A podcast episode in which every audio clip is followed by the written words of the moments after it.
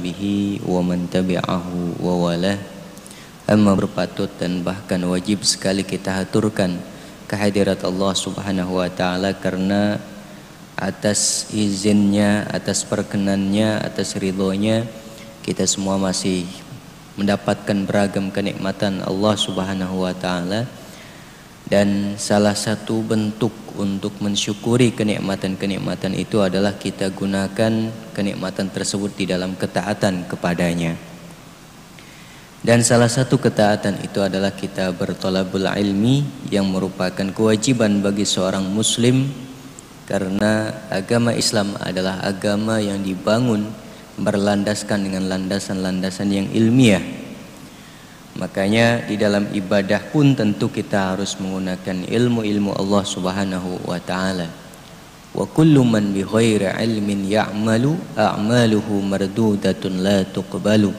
Setiap orang yang bi ghairi ilmin tanpa landasan-landasan ilmu dia beramal, dia beribadah, maka amal-amalnya, ibadah-ibadahnya itu akan tertolak oleh Allah Subhanahu wa taala man amila amalan laisa alaihi amruna fahuwa raddun itu kata Nabi sallallahu alaihi wasallam. Siapa pun yang beramal tanpa ada landasan dari kami maka amalan itu akan tertolak. Maka alhamdulillah rutin kita mengkaji fikih ibadah yang dirumuskan oleh para ulama khususnya di dalam madhab syafi'i dengan salah satu kitabnya yaitu Safinatun Najah. Pada pertemuan kali ini kita uh, masih melanjutkan pembahasan terkait toharoh khususnya pembahasan terkait dengan tayamum. Kalau pada pembahasan yang lalu kita sudah membahas tentang sebab-sebab atau faktor-faktor kita diperbolehkan untuk bertayamum yang pada intinya adalah karena ketidakmampuan untuk menggunakan air baik karena airnya memang tidak ada atau karena kitanya secara fisik dilarang atau tidak diperbolehkan secara medis untuk bersentuhan atau terkena dengan air. Atau ada tetapi jumlah airnya terbatas di mana saking terbatasnya jumlah air air tersebut perlu untuk diminum. Entah yang meminum itu manusia bahkan ketika yang membutuhkan minuman itu adalah hewan hewan yang dimuliakan yang haram untuk dibunuh dan seterusnya ternyata juga diperbolehkan kita untuk bertayamum airnya mending diberikan kepada mereka yang membutuhkan itu. Dan ada beberapa tambahan yang disampaikan oleh Syekh Al-Alim Al-Fadil Salim bin Sumer Al-Hadrami terkait dengan kebolehan bertayamum itu pembahasan terkait dengan ghairul muhtaram ya. Yaitu mereka yang darahnya tidak lagi dimuliakan di dalam ajaran agama Islam. Ini semacam tambahan yang sebenarnya tidak ada kaitannya dengan pembahasan tayamum tetapi karena ada pembahasan hayawanin muhtaramin di dalam tayamum beliau menambahkan pembahasan itu Nah selanjutnya setelah bicara tentang sebab-sebab kebolehan bertayamum adalah kita membaca atau membahas terkait dengan syurutut tayamum. Ya. Qala al-muallif rahimahullahu taala wa nafa'ana bihi wa bi'ulumihi fid darain amin. Faslun ya, fi syurutit tayammumi pasal yang menjelaskan terkait dengan syarat-syarat tayamum. Kapan tayamum itu sudah diperbolehkan? Artinya sah, ya, sah. E, ini syarat sahnya. Kalau syarat wajibnya ya terkait dengan muslim, balik dan seterusnya. Tapi kalau syarat sahnya yang sepuluh ini. Syurutut tayamum, syarat-syarat tayamum, syarat sahnya itu ada sepuluh. Asyaratun Syurutut tayammumi asyaratun an yakuna biturabin. Yang pertama tayamum harus menggunakan tanah. Wa an yakuna turabu tahiran. Kemudian tanahnya harus tanah yang suci. Wa alla yakuna musta'malan. Tanahnya tidak boleh tanah yang musta'mal atau sudah digunakan dipakai untuk keperluan taharah. Kemudian wa alla yukhalitahu daqiqun wa nahwuhu. Tidak boleh tanahnya itu tercampur dengan misalnya eh, apa namanya? tepung atau yang semacamnya yang mirip-mirip dengan tepung atau dengan debu. Wa an yaqsidahu dan syarat yang lainnya adalah harus benar-benar dituju atau disengaja di dalam proses e, memindahkan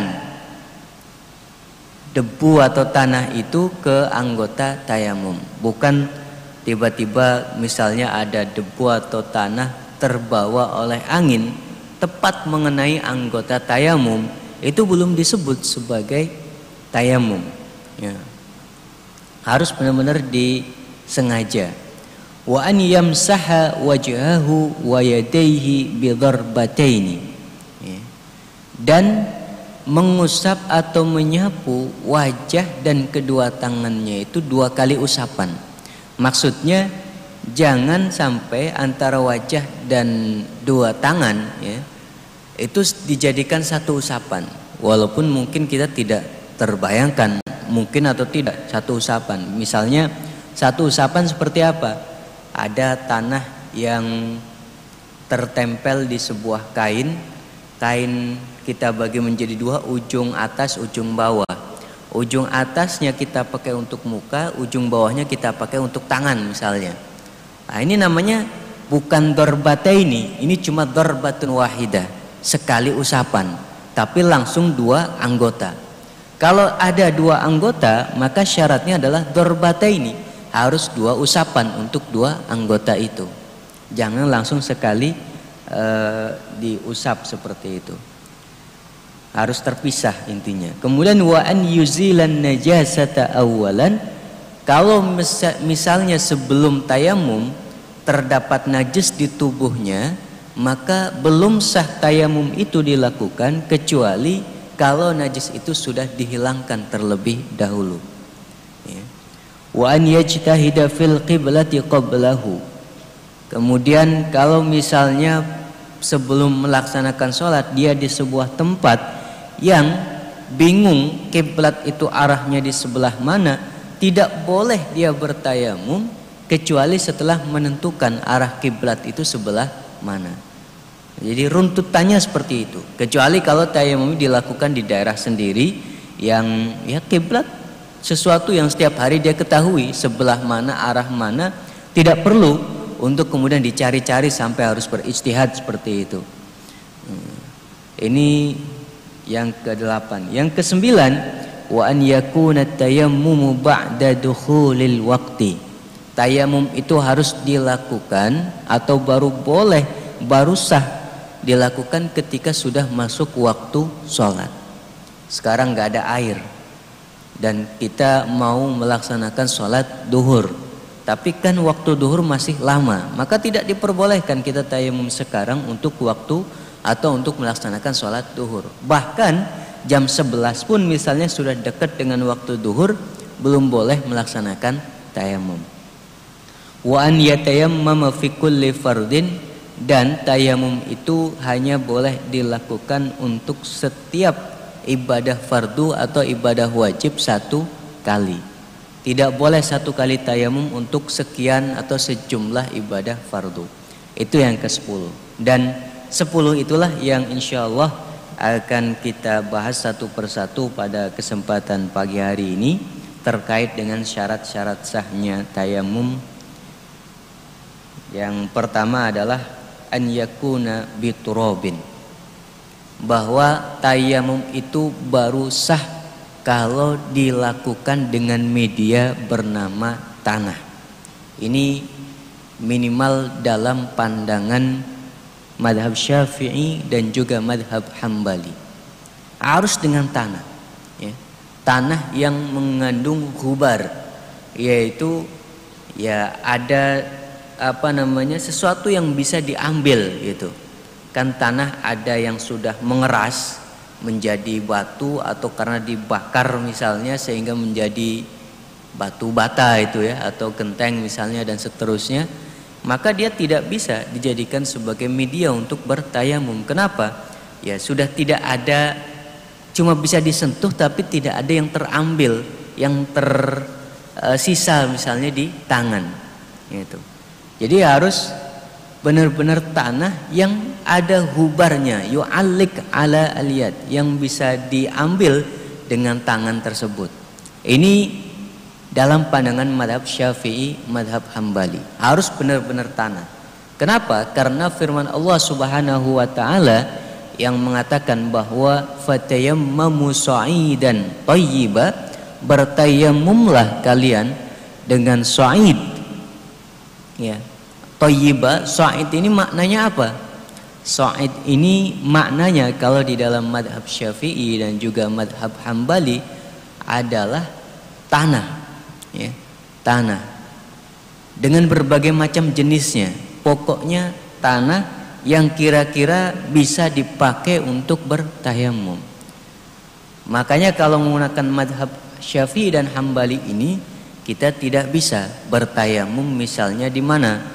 Di kereta, di bis, di pesawat. Kenapa? Yang nggak ada tanahnya.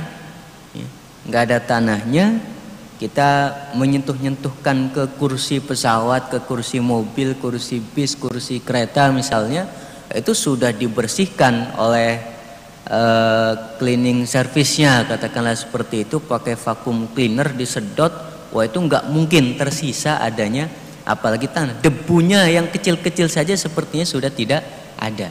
Kalaupun ada, ya paling hanya debu yang sifatnya mikroskopis barangkali ya yang tidak terlihat oleh pandangan mata kita dan itu tidak bisa dijadikan sebagai media untuk bertayamum gitu. nggak bisa ya, kecuali kalau debunya banyak kelihatan kayak air hujan gitu ya turun banyak debu kita tampung di tangan bisa itu untuk bertayamum tapi kan tidak pernah ada kejadian yang seperti itu ya, harus benar-benar tanah terlihat tampak itu adalah tanah. Ya. Ini kalau menggunakan madhab syafi'i dan juga madhab hambali. Bahkan kalau kita menggunakan madhab yang lain pun, ya, misalnya di dalam madhab Hanafi dan juga madhab Maliki yang mengatakan bahwa makna sa'id itu bukan hanya sekedar tanah, tetapi masa'ida ala wajhil ard min jinsil ard ya. Apa pun yang berada Sa'id itu dari kata naik. Sa'id dan toyiba naik di atas permukaan. Artinya apa pun yang ada di atas permukaan bumi tapi dengan syarat min jinsiha dari jenis-jenis bumi gitu.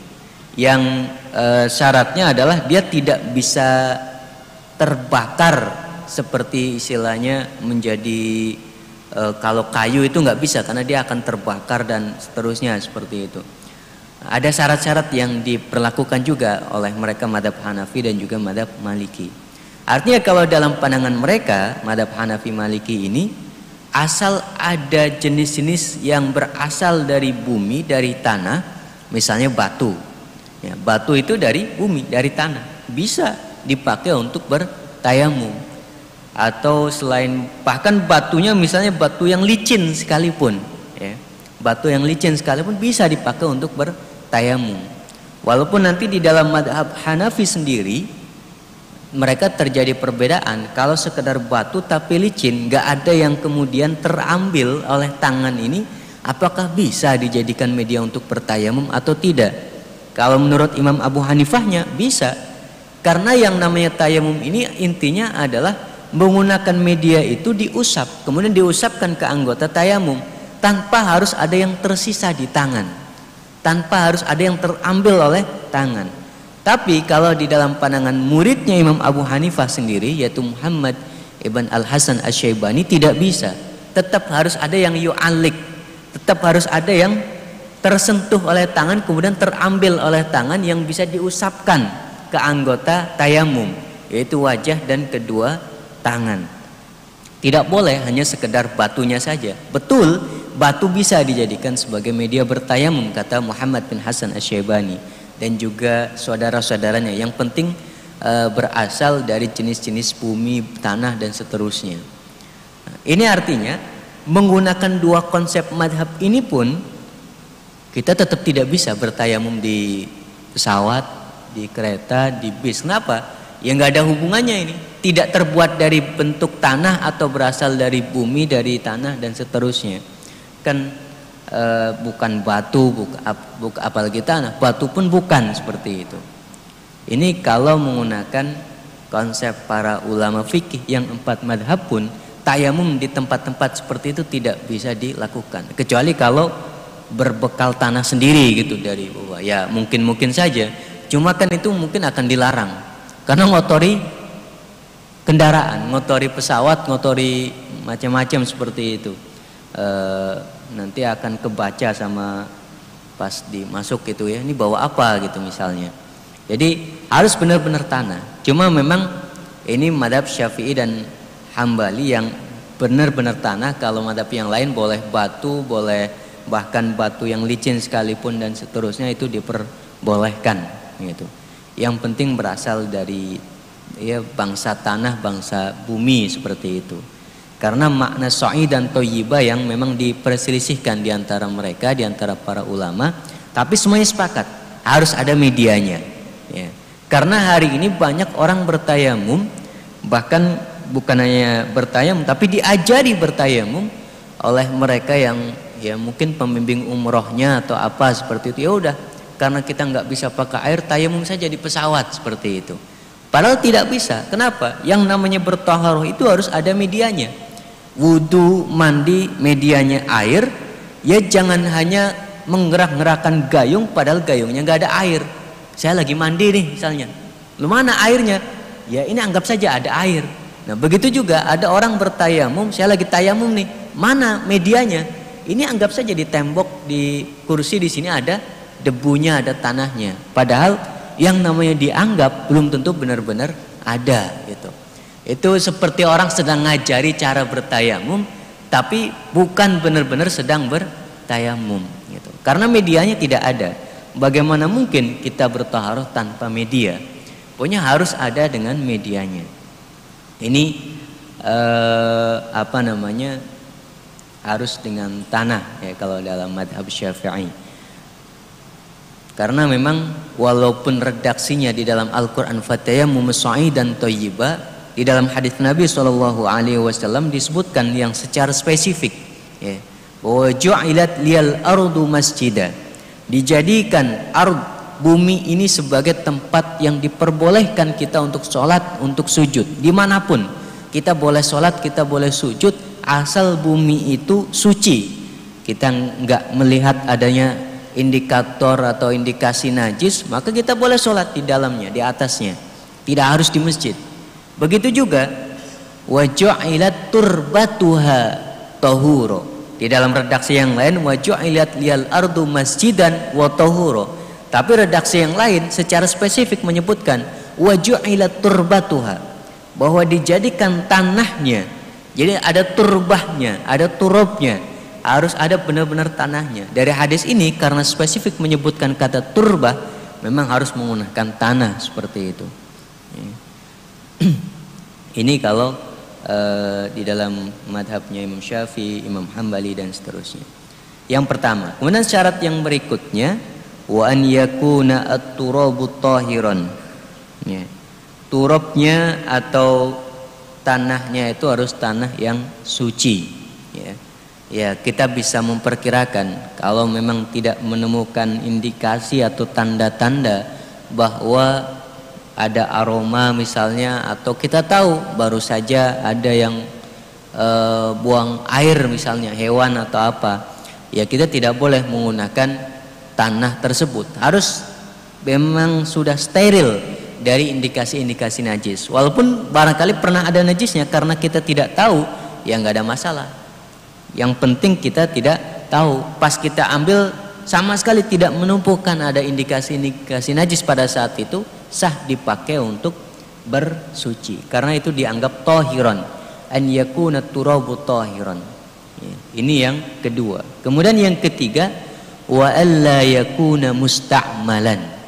Dan tidak diperbolehkan menggunakan debu yang musta'mal Cuma makna mustakmal itu apa yang harus kita pahami? Mustakmal itu artinya debunya sudah pernah dipakai untuk bersuci.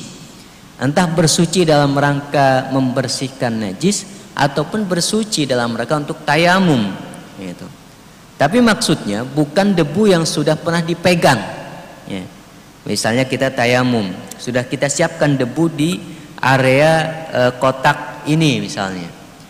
Tayamum, ya. Kemudian ditaruh di wajah. Nah, misalnya habis wajah ini selesai, kita taruh di kotak itu lagi yang tadi kita sudah sentuh. Itu bukan mustakmal namanya Kenapa? Yang disebut debu mustakmal itu adalah debu yang menempel di sini, bukan menempel di tangan. Ya. Tapi menempel di wajah tadi atau menempel di anggota tayamum. Ya. Seperti air ya, kalau buat berwudu yang menempel di anggota wudu. Kalau yang baru berada di tangan yang hendak kita usapkan itu artinya debu yang belum terpakai untuk bertayamum. Hanya baru hendak dipakai seperti itu. Nah, ketika sudah menempel di wajah ini seperti ini, eh, yang memang diniatkan untuk bertayamum mengusap wajah, maka itu bukan itulah yang disebut sebagai mustakmal. Ya. Makanya kalau misalnya ada debu yang tiba-tiba nempel tidak disengaja, yaitu karena ada angin misalnya, anginnya kenceng, saking kencengnya angin banyak debu berterbangan nempel di pipi kita gitu. Karena nempelnya tidak kita sengaja untuk bertayamum, kita boleh ambil lagi itu debu gitu ya. Untuk kemudian kita niatkan sebagai tayamum. Nah, jadi tidak selalu yang nempel itu secara otomatis dihukumi mustakmal. Tergantung nempelnya itu memang disengaja atau tidak untuk bertayamum. Dan itu harus nempel di anggota tayamum. Kalau misalnya yang kita tempel di tangan yang kita ambil karena memang belum dipakai untuk bertayamum baru dijadikan sebagai ya di tangan ini baru mau dipindahkan seperti itu itu bukan mustakmal. Jadi tempat yang tadi kita sentuh ya, eh, area tanah, area bumi yang tadi kita sentuh itu bukan mustakmal. Karena memang cuma disentuh saja, bukan untuk bertayamum. Ya, yang sudah dipakai, yang sudah mustakmal itu yang sudah nempel di anggota tayamum, entah nempel di tangan atau nempel di wajah, kemudian terjatuh misalnya, atau yang masih menempel, atau yang masih menempel. Ya, itu e, baru disebut sebagai mustakmal. Tapi kalau yang masih di tangan yang hendak kita pindahkan, hendak kita usapkan, itu belum disebut sebagai mustakmal. Apalagi tempatnya yang di dalamnya ada debunya itu tidak disebut mustakmal walaupun kesentuh tangan kita gitu ya. karena mustakmal itu yang terpakai buat toharoh atau terpakai buat bersuci ini arti daripada mustakmal kemudian wa alla yukhalitahu daqiqun wa nahwuhu. Tidak boleh debu atau tanah yang dipakai untuk bertayung itu tercampur oleh benda-benda selain debu ya yang walaupun suci tapi kalau sampai mencampuri benda apa namanya mencampuri debu ini mencampuri tanah ini dia bisa menghalangi tersampainya debu yang beneran tanah yang beneran ke anggota-anggota tayamum misalnya ini sekedar contoh saja ya walaupun barangkali tidak mungkin terjadi atau bisa saja terjadi ada kita sudah mengambil debu dipersiapkan untuk bertayamum tiba-tiba tercampur dengan tepung misalnya. Ya, contoh gitu ya. Tepung suci. Ya, tetapi dia bukan bagian yang berasal dari tanah gitu, bukan bagian dari bumi, dia tepung gitu, dia tepung. Maka kalau sampai tercampur nanti pada saat kita bertayamum misalnya ada tepung, ada tanah. Ini ada bagian-bagian tertentu yang tidak tersentuh secara keseluruhan oleh tanah, menjadi tidak sah. Ya menjadi tidak sah. Maka tidak boleh tercampur. Kemudian yang selanjutnya yang kelima syarat yang kelima agar tayamum menjadi sah adalah wa an yaqsidahu benar-benar disengaja tanah itu kita niatkan sebagai tayamum maksudnya disengaja bagaimana jangan sampai ada perpindahan tanah dari tempatnya ke anggota tayamum tanpa kita sengaja. Maksudnya seperti tadi itu, ada debu beterbangan.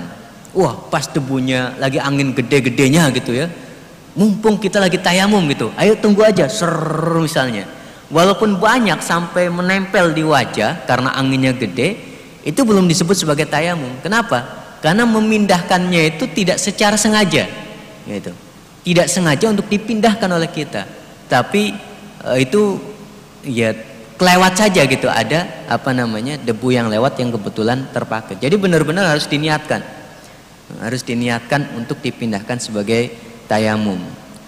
Kemudian wa an yamsaha wajhahu wa yadayhi bi darbataini.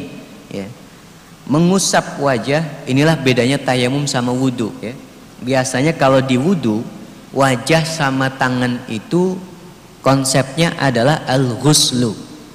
Al-ghuslu itu apa? Yaitu mengalirkan air ke anggota wudhu. Itu namanya al-ghuslu. Tapi kalau tayamum itu bukan mengalirkan tanah ke anggota tayamum, bukan. Bahasanya adalah an saha al-mashu, bukan al-ghuslu. Bedanya apa? Kalau al-ghuslu misalnya, wah itu berat sekali. Harus mengalirkan tanah ke wajah gitu. Itu selain membuat kita kotor dan harus merata. Al huslu kan harus merata ya. Semuanya harus terkena gitu. Kalau atay apa namanya al mashu tidak. Kita yang penting adalah tanah tangan kita sudah tersentuh atau sudah menyentuh tanah. Nah kemudian yang harus merata itu hanya tangannya saja gitu. Tentu ada bagian-bagian tertentu yang barangkali tidak benar-benar apa namanya tersentuh secara keseluruhan oleh tanah itu. Tapi yang tersentuh apa? Tangan kita saja yang menyentuhkannya gitu. Wan yamsaha wajhahu wa yadayhi bidarbataini. Tapi syaratnya adalah pada saat menyentuhkan uh, tangan atau anggota tayamum itu dilakukan dua kali karena memang dua anggota yaitu sekali untuk e, wajah dan sekali untuk kedua tangan. Tidak boleh seperti yang tadi saya contohkan, walaupun ini mungkin tidak terjadi seperti itu. Satu kali misalnya dengan tidak pakai tangan tapi ada kain, ujung atas dipakai untuk wajah, ujung bawah dipakai untuk tangan misalnya langsung dalam sekali as, usapan, maka itu tidak sah. Harus dilakukan secara dua kali. Ya. Kemudian yang selanjutnya syaratnya tayamum agar sah adalah wa an yuzilan najasata awwalan. Ya. Kalau ada najis di sekitar tubuhnya tidak harus di anggota tayamum. Kaki memang bukan anggota tayamum. Tetapi kalau misalnya di kaki ada najis dan kita tidak menemukan air atau tidak diperbolehkan untuk menyentuh air, tetap najis itu harus dihilangkan terlebih dahulu. Ya. Setelah dihilangkan baru diperbolehkan untuk bertayamum. Ya. Walaupun kaki itu bukan anggota tayamum. Apalagi jika yang tersentuh atau terkena najis adalah anggota tayamum tentu akan lebih harus lagi untuk dihilangkan terlebih dahulu. Ya, walaupun kaki bukan anggota tayamum pun tetap harus dihilangkan terlebih dahulu najisnya.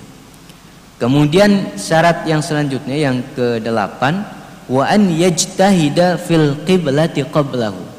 Kalau kita di kondisi pada saat musafir atau safar misalnya di mana di tempat tertentu kita tidak tahu arah kiblat itu di sebelah mana dan juga tidak menemukan air maka kita tidak boleh ketika benar-benar diputuskan nggak ketemu air langsung bertayamum saja begitu. Tapi disyaratkan harus ketemu arah kiblatnya terlebih dahulu. Jadi tayamum itu memang satu toharoh bersuci yang levelnya atau e, kondisinya sifatnya itu darurat. Nah, karena dia darurat harus dilakukan pada urutan yang terakhir setelah syarat-syarat ibadah itu terpenuhi. Apa syarat ibadah? Kiblat harus tahu dan seterusnya. Setelah itu semuanya terpenuhi, baru kita boleh bertayamum. Kenapa harus memenuhi terlebih dahulu? bisa jadi dalam kondisi memenuhi syarat-syarat yang lain itu air muncul misalnya, air datang. Maka lakukan yang paling utama terlebih dahulu. Baru setelah yang utama-utama syarat-syarat ibadah itu terpenuhi secara keseluruhan dan memang ternyata setelah itu terpenuhi tetap nggak ada air juga baru kita laksanakan yang namanya tayamum. Jadi kalau belum tahu arah kiblatnya nggak boleh tayamum dulu. Harus tahu arah kiblat terlebih dahulu baru boleh bertayamum. Kemudian yang kesembilan wa an yakuna tayammumu ba'da dukhulil waqti ya. Karena tayamum ini memang bagian daripada darurat atau e, istilahnya toharoh dalam kondisi tidak normal ya, dalam kondisi tidak biasa dia kondisi darurat lah katakanlah seperti itu. Karena memang nggak bisa pakai air atau nggak menemukan air maka tidak boleh. Langsung tayamum begitu saja. Ketika sudah apa namanya memastikan diri ini nggak ada air tunggu barangkali nanti pas masuk waktu sholat sudah ada air. Itu pun di dalam madhab syafi'i malah disarankan. Kalau bisa tayamum itu dilakukan jangan pas masuk waktu sholat langsung. Ditunggulah sampai ya agak-agak lama seperti itu untuk apa? Ya dalam proses mencari air barangkali bisa ketemu nanti. Karena tetap toharoh menggunakan air itu lebih utama daripada toharoh bertayamum atau menggunakan media yang namanya debu atau tanah seperti itu. Jadi harus setelah masuk waktu. Kalau belum masuk waktu tidak sah. Bahkan ketika sudah masuk waktu pun tetap disunahkan menunggu. Kalau memang ada kemungkinan bahwa air itu e, akan turun gitu ya atau hujan misalnya. Misalnya ini nggak ada air, tapi kondisinya mendung gitu. Ini nggak ada air sih, tapi lagi mendung. Ini mendungnya kira-kira akan jatuh kapan ini hujannya? Kalau dimungkinkan jatuhnya beberapa saat lagi yang kira-kira waktu sholat masih tersedia, maka disarankan nunggu hujan saja gitu. Nggak perlu untuk bertayamum. Kenapa? Karena kita bertoharoh menggunakan air yaitu media yang utama itu jauh lebih utama daripada menggunakan tanah gitu. Walaupun sudah masuk waktu. Nah, tetapi kalau tetap bertayamum pada saat itu juga meskipun tadi ada kemungkinan turun hujan ya diperbolehkan. Asal jangan sampai nanti pada saat e, proses ibadah itu sedang dilakukan tiba-tiba turun hujan. Nanti para ulama akan berbeda pendapat itu terkait hukumnya. Apakah tayamumnya batal atau tidak sehingga sholatnya menjadi batal. Nanti kita bahas secara khusus tentang pembatal-pembatal tayamum ya ketika ada air itu. Intinya adalah tidak boleh tayamum kecuali sudah masuk waktu itu yang kesembilan. Kemudian yang terakhir wa an yatayammama fi kulli fardin. Tayamum itu hanya boleh dipakai untuk satu kali sholat fardu. Tidak boleh dia dipakai untuk berulang-ulang sholat fardu. Kalau wudhu kan asal belum batal, kita boleh sholat maghrib, sholat isya, ya, itu kita berwudu dengan satu wudhu asal tidak batal. Kalau tayamum walaupun tayamum kita belum batal dengan masuknya waktu sholat yang baru itu sudah membatalkan secara otomatis. Itu karena dia tidak bisa dipakai untuk sholat fardu atau ibadah-ibadah fardu yang lainnya. Hanya dipakai untuk ibadah eh, apa namanya fardu sekali saja. Tapi kalau ibadahnya adalah sunnah boleh. Misalnya kita habis sholat maghrib. Mau sholat ba'diyah maghrib ya rawatib ba'diyah maghrib Apakah harus tayamum ulang? Tidak. Kenapa? Karena itu sunnah. Ya, dia maghrib itu sunnah. Tapi kalau mau sholat isya, walaupun tayamum maghrib belum batal, ya dengan isya sendiri datang itu sudah membatalkan tayamumnya. Harus bertayamum ulang. Begitu juga kalau misalnya kita sedang kondisi safar, ya. Kondisi safar kan kita diperbolehkan untuk menjamak sholat. Yang namanya menjamak sholat itu kan menjamak dua sholat fardu Nah, bedanya kalau kita tadi bertaharoh dengan wudhu antara maghrib sama isya atau duhur dan asar itu bisa kita lakukan dengan satu kali wudhu. Tapi kalau kita tadi bertaharohnya dengan tayamum, maka tidak bisa kita maghrib dan isyanya itu dengan satu kali tayamum. Jadi habis maghrib mau menjamak dengan isya itu tidak boleh langsung isya begitu saja. Dia harus tayamum terlebih dahulu, sebentar kan jadi harus disediakan sebelum maghrib e, media tayamumnya. Ya, dengan media yang sama nanti untuk tayamum isya juga setelah maghrib ditunaikan. Tidak bisa dua kali sholat fardu walaupun itu dalam rangka menjamak dilakukan dengan satu kali tayamum. Harus dua kali tayamum seperti itu. Bahkan di beberapa kitab disebutkan kalau misalnya ada khotib Jumat ya yang dia khutbahnya itu bertaruh dengan tayamum maka pas mau sholat itu juga tidak boleh. Dia langsung sholat begitu saja tayamum terlebih dahulu. Karena antara khutbah dengan sholat itu dua kewajiban yang berbeda. Ya, dua kewajiban yang berbeda. Ya. jadi khotibnya harus siap-siap tanah juga gitu. Nanti setelah selesai khutbah dia tayamum lagi untuk sholat. Tayamum lagi untuk sholat. Tidak boleh dilakukan secara bersamaan satu kali tayamum untuk dua ibadah wajib yang berbeda gitu. Tapi kalau ibadahnya sunnah boleh berulang-ulang. Boleh kita baca Quran, kemudian e, melakukan ibadah-ibadah sunnah, tahajud, witir dan seterusnya. Kalau kita pakai tayamum boleh untuk apa saja. Kalau itu ibadahnya adalah ibadah sunnah. Tapi kalau ibadah wajib hanya boleh dilakukan untuk sekali ibadah wajib. Setelah itu harus tayamum lagi kalau ketemu ibadah wajib yang lainnya. Itu terkait dengan syarat sahnya tayamum yang jumlahnya ada 10. Ini bagian tayamum yang kedua dan insya Allah ke depan kita bicara tentang rukun-rukun tayamum dan tata caranya. Baru setelah itu kita bicara terkait dengan yang membatalkan tayamum. Uh, itu saja barangkali yang bisa saya sampaikan pada pertemuan kali ini. Mudah-mudahan ada manfaatnya. Kalau misalnya ada tanya jawab, mungkin bisa disampaikan setelah saya tutup saja ya.